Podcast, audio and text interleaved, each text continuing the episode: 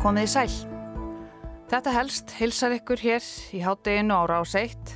Snorri Rafn Hallsson er umsjónormaður þáttar dagsins og hann ætlar að fjalla um rafmyndir. Eitthvað sem við höfum öll heyrt um en vitum kannski ekki öll alveg nákvæmlega hvernig virka. Rafmyndin Bitcoin hefur verið mikið til umræðu undanfarnar vikur og mánuði. Rafmyndir koma í ymsum útfarslum en Bitcoin er svo stærsta, verðmætasta og vinsalasta. Stafrænt gull, segja sumir. Markir hafa orðið æfintýralega ríkir á þessari nýju tekni. Aðrir glatað öllu, en eftir mikinn uppgang árið 2021 hefur þó heldur betur farið að halla undan fæti. Bitcoin náði hæstu hæðum í november í fyrra, þegar gengið var tæpir 70.000 dólarar fyrir hvert bitcoin, en í dag stendur það næri 17.000 dólarum sem erkir 75% fall. Nýjastu lækunina þegar gengið fór undir 20.000 dollara í fyrsta sinn síðan í desember 2020 má reyka til gjaldtróts rafmynda kaupallarinnar FTX á dögunum. Það hafði í för með sér rýrnandi traust bæði almennings og fjárfesta á rafmyndum en einnig umhverju þeirra og gildi. Gullæðið virðist í vera orðið að rafmynda vetri. En hvað er Bitcoin? Hvernig virkar það? Til hvers er það og hvað er einlega í gangi?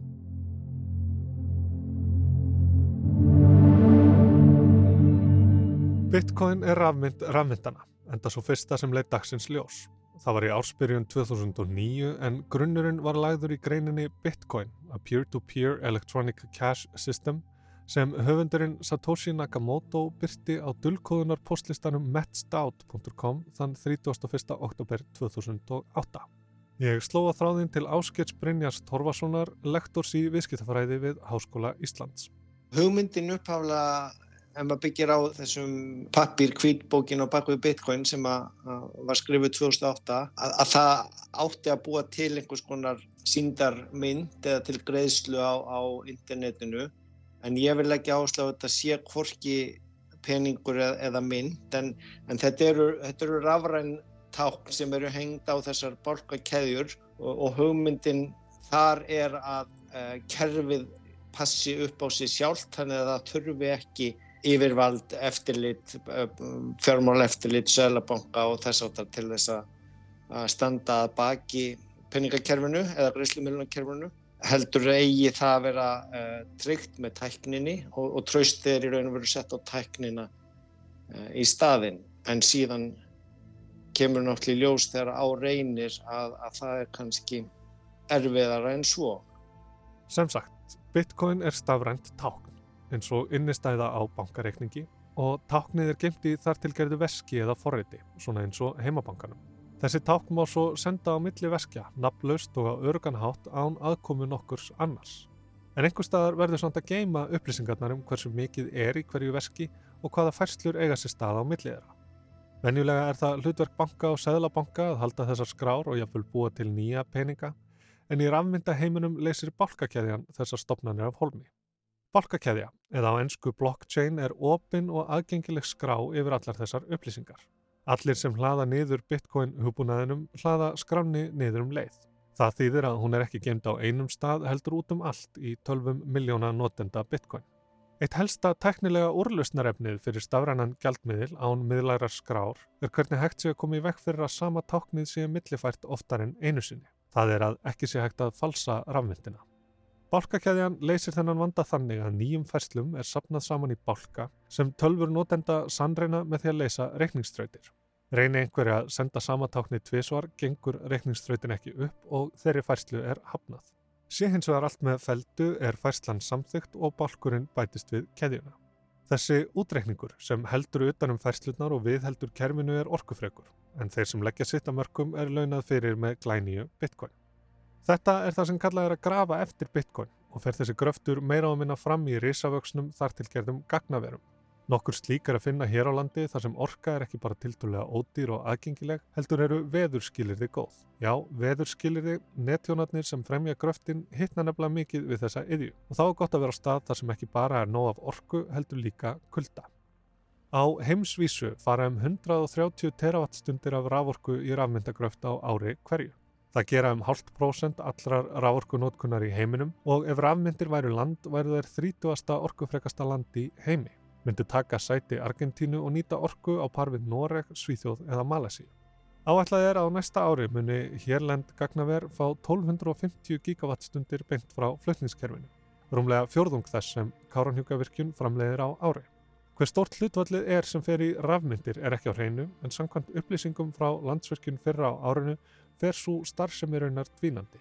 Landsvirkjun selur korki nýjum nýja gömlum viðskiptavinnum rávorku til rafmyndagraftar og sennilegt að gagnaverin leiti frekar á stöðuðri miði starfsemi sinni nú þegar rafmyndir hafa lækkað mikið í verði og aðgengi að orku er ekki eins örugt og áður.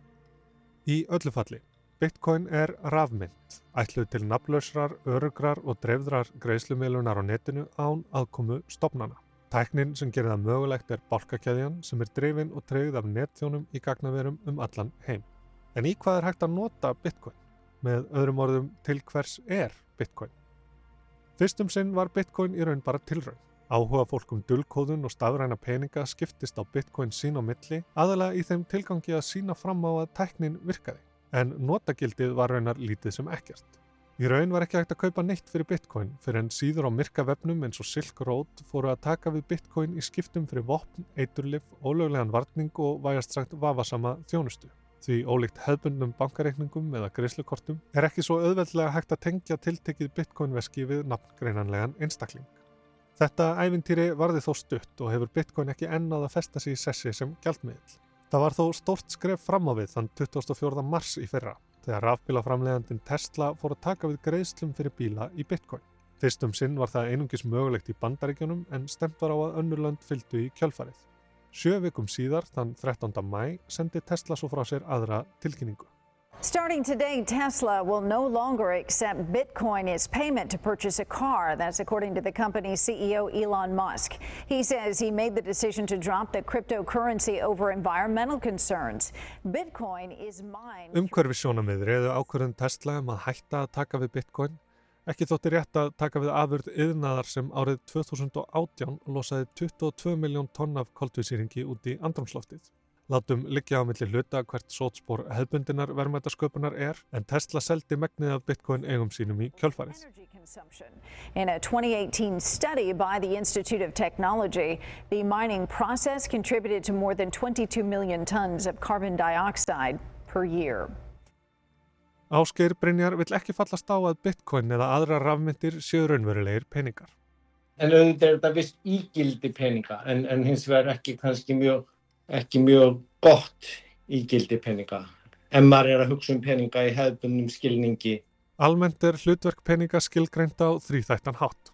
Í fyrsta lagi að vera skiptamiðl, eitthvað sem eitthvað annað fæst fyrir. Rafmyndir hafa ekki náða að hasla sér völl á þessu sviði. Verðið sveiplast of mikið til þess að almennar vestlanir séu tilbúinar að taka við rafmyndum í skiptum fyrir vörur eða þjónustu, auk þess sem færslukerfið er afar hægvirt. Það getur tekið alltaf eina og halva klukkustund að staðfesta hverja færslu. Vegna þess hver verðið sveiplast mikið er bitcoin varla góð geimsla fyrir verðmæti sem er annað hlutverk peninga. Og svo er þriðja hlutverk peninga náttúrulega að vera einingin fyrir uppgjör og bókald eh, og, og og skatta og ásreikninga og, og það náttúrulega mun aldrei verða í formi einhvers konar síndarmynda. Rafmyndir hafa því helst fest sig í sessi sem viðfang fjárfestinga og þar koma FTX og Binance sem minnst var á hér í upphafið þáttar til sögu. Binance og, FTX eh, eru sagt, svona miðlunar fyrirtæki eða staðurinn þar sem þú kemst úr raunheiminum með alvöru peninga, gjaldmiðl landsins sem þú byrði yfir í síndarheimin til þess að kaupa síndarregn eins og bitcoin eða einhver aðra einhver önnur tákn eða merki. FTX var önnur stærsta rafmynda kaupallin, stopnuð árið 2019 af hinnum þá 27 ára gamla Sam Bankman-Fried. Vinsældir FTX voru ekki síst til komnar vegna þess að FTX bauð upp á áhættu samari og þá um leið mögulega ábata samari rafmynda afleiður en margir keppinautana. Rafmynda afleiður eru veðmál um hvort gengi tiltekinar myndar muni hækka eða lækka innan ákveðins tímarama. Og með þeim má græða og tapa stórt, hvernig sem gengi sveplast svo lengi sem maður veðjar rétt. Þar að auki bauð FTX upp á 8% ávöxtun á öllum innistæðum það á meðan stýrivextir voru í algjöru lámarki á heimsísu. Meiri hluti rafmyndaviðskipta í heiminum fóri gegnum FTX og helsta keppinautin Binance sem var þó einn af stærstu upprunalegu fjárfæsturum í FTX.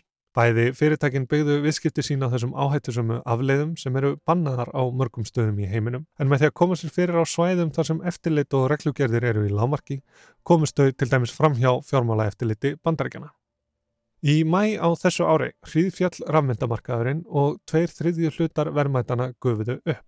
Fjárfestar höfðu dreyið sig úr áhættusamari fjárfestingum vegna hækkandi vaksta, verðbolgu og óvissu í fjármála heiminum sem varði kjölfar innrásar rúsa í Ukrænu. Margir smerri rafmyndamiðlarar lendu í greiðslugetu vandræðum í kjölfarið og gáttu fjárfestar ekki leist út innustæður sínar. En FTX kom þeim til bjargar, keftið á upp og treyði vissan stöðuleika fram á við. Við þetta fekk bankmann frít á sig ljóma rafmynda bjargvættar. Hann kom fram í ótal viðtölum og tókst að sannfæra fjölmiðla og fjárfesta um snilligáfi sína. Í heimið þar sem svik og svindl eru daglegt brauð var bankmann frít ábyrgur og áreðanlegur. Snillingur sem ekki bara læði sitt að mörgum heldur breytti út bóðskapinu. Eins og heyra má í FTX auðlýsingunni þar sem engin annar en ameríski fókbaltakappin Tom Brady sagði öllum og ömmu sinni að fjárfesta er afmyndum á FTX. Yeah, we would. You're right, we would. What's up? I'm getting into crypto. With FTX. You in? We're providing gives 360 degree access to the crypto markets with the ability to trade everything from alts to DeFi. I believe I'm in, but still hate you. Understood. Take care. Best of the family. Is he in? Yep, Did he say he hates you? he did. Even on the phone, that guy sounds handsome. Þann 1. júni bættist Sam Bankman-Fried svo í hóp þeirra miljardamæringa sem hafa skrifað undir The Giving Pledge en það felur í sig lofordum að þorri auðs þeirra skuli renna til góðgerramála. Bankman-Fried aðhyllist svo kallaða áhrifaríkja umhyggju en það er siðferði stefna og reyfing fólks sem vil finna skilvirkustu leiðirnar til að hjálpa öðrum með því að nota gögn og vandaða raukugsun. En eins og staðan er núna mun Bankman-Fried sennilega ekki leggja mikið að mörgum til góðgerramála. Því upphafi mánadar var komið að FTX að leita bjargar. Kaupöllin hafði bóðið upp á sína eigin rafmynd FTT sem viðskiptavinir notuðu meðal annars til að greiða þjónustugjöld. Í fyrra seldi Changpeng Zhao, forstjóri Binance, hlut sinn í FTX og greitti Sam Bankman-Fried hluta kaupersins í sinni eigin FTT rafmynd. Þann annan november greindi einn helsta rafmynda fréttaveitan Coinbase frá því að fjármál FTX væru í algjörum ólestri. Rafmynda vóðunasjóðurinn Alameda Research sem einnig var í eigu Bankman Fried átti miljardar dollara í FTT myndinni og notaði sem veð í lánum. Alameda og FTX voru því tengd óþægilega nánum böndum.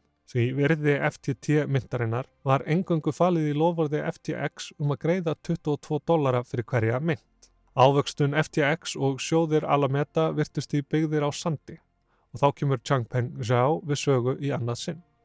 að hann sendi út tíst á Twitter eh, sem, sem, þar sem að hann sagði að hefði, að þau höfðu selt síðastu FTT sem, sem að var þessi um, síndartákn FTX um, miðlarna og, og þegar öllum var taljóst uh, að, að þá í raun og veru byrjar á, áhlöpið og, og, og kunan er að reyna að komast út og flytja sér, flytja sér annað eða, eða fá raun peningana sína sem þeir töldu sig eiga inn í þessum sjóðum sem eru náttúrulega uh, já, ekki eins og innistæði banka og, og valla hægt að líka því við innstæði í, í, í peningamarkaðsjóði sem að Þessi fjármála gjörningagrautur leiti því til þess að Alameda og FTX hafa bæði líst yfir gjaldtróti. Viðskiptavinnir hlaupa á miljónum, innistæðnar á miljörðum og óvist er hver mikið af því fæst tilbaka ef nokkuð. Fall FTX sendi svo höggbylgjur um allan rafmyndaheimin með fyrirnefndum afleggingum. Bitcoin er í fyrsta sinn síðan desember 2020 undir 20.000 dólarum. Allur ábati uppgangs árana 2020 og 2021 hefur þurkast út. Traust á rafmyndir er í sögulegu lámarki og köllin eftir betra regluverki og eftirliti eru hávarari en nokkru sinni fyrr. Þetta var Snorri Raffn Hallsson og rafmyndirnar hans í november vetrinum. Ég heiti Sunna Valgeradóttir og þakka ykkur fyrir hlustununa í dag. Við heyrumst svo aftur á morgun.